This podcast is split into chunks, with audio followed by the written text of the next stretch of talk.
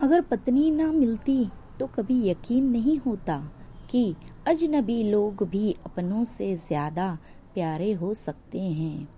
लोग कहते हैं कि हाथों की लकीरें अधूरी हो तो किस्मत में पत्नी नहीं होती। लेकिन मैं ये कहती हूँ, अगर हाथों में पत्नी का हाथ हो तो लकीरों की ज़रूरत नहीं पड़ती।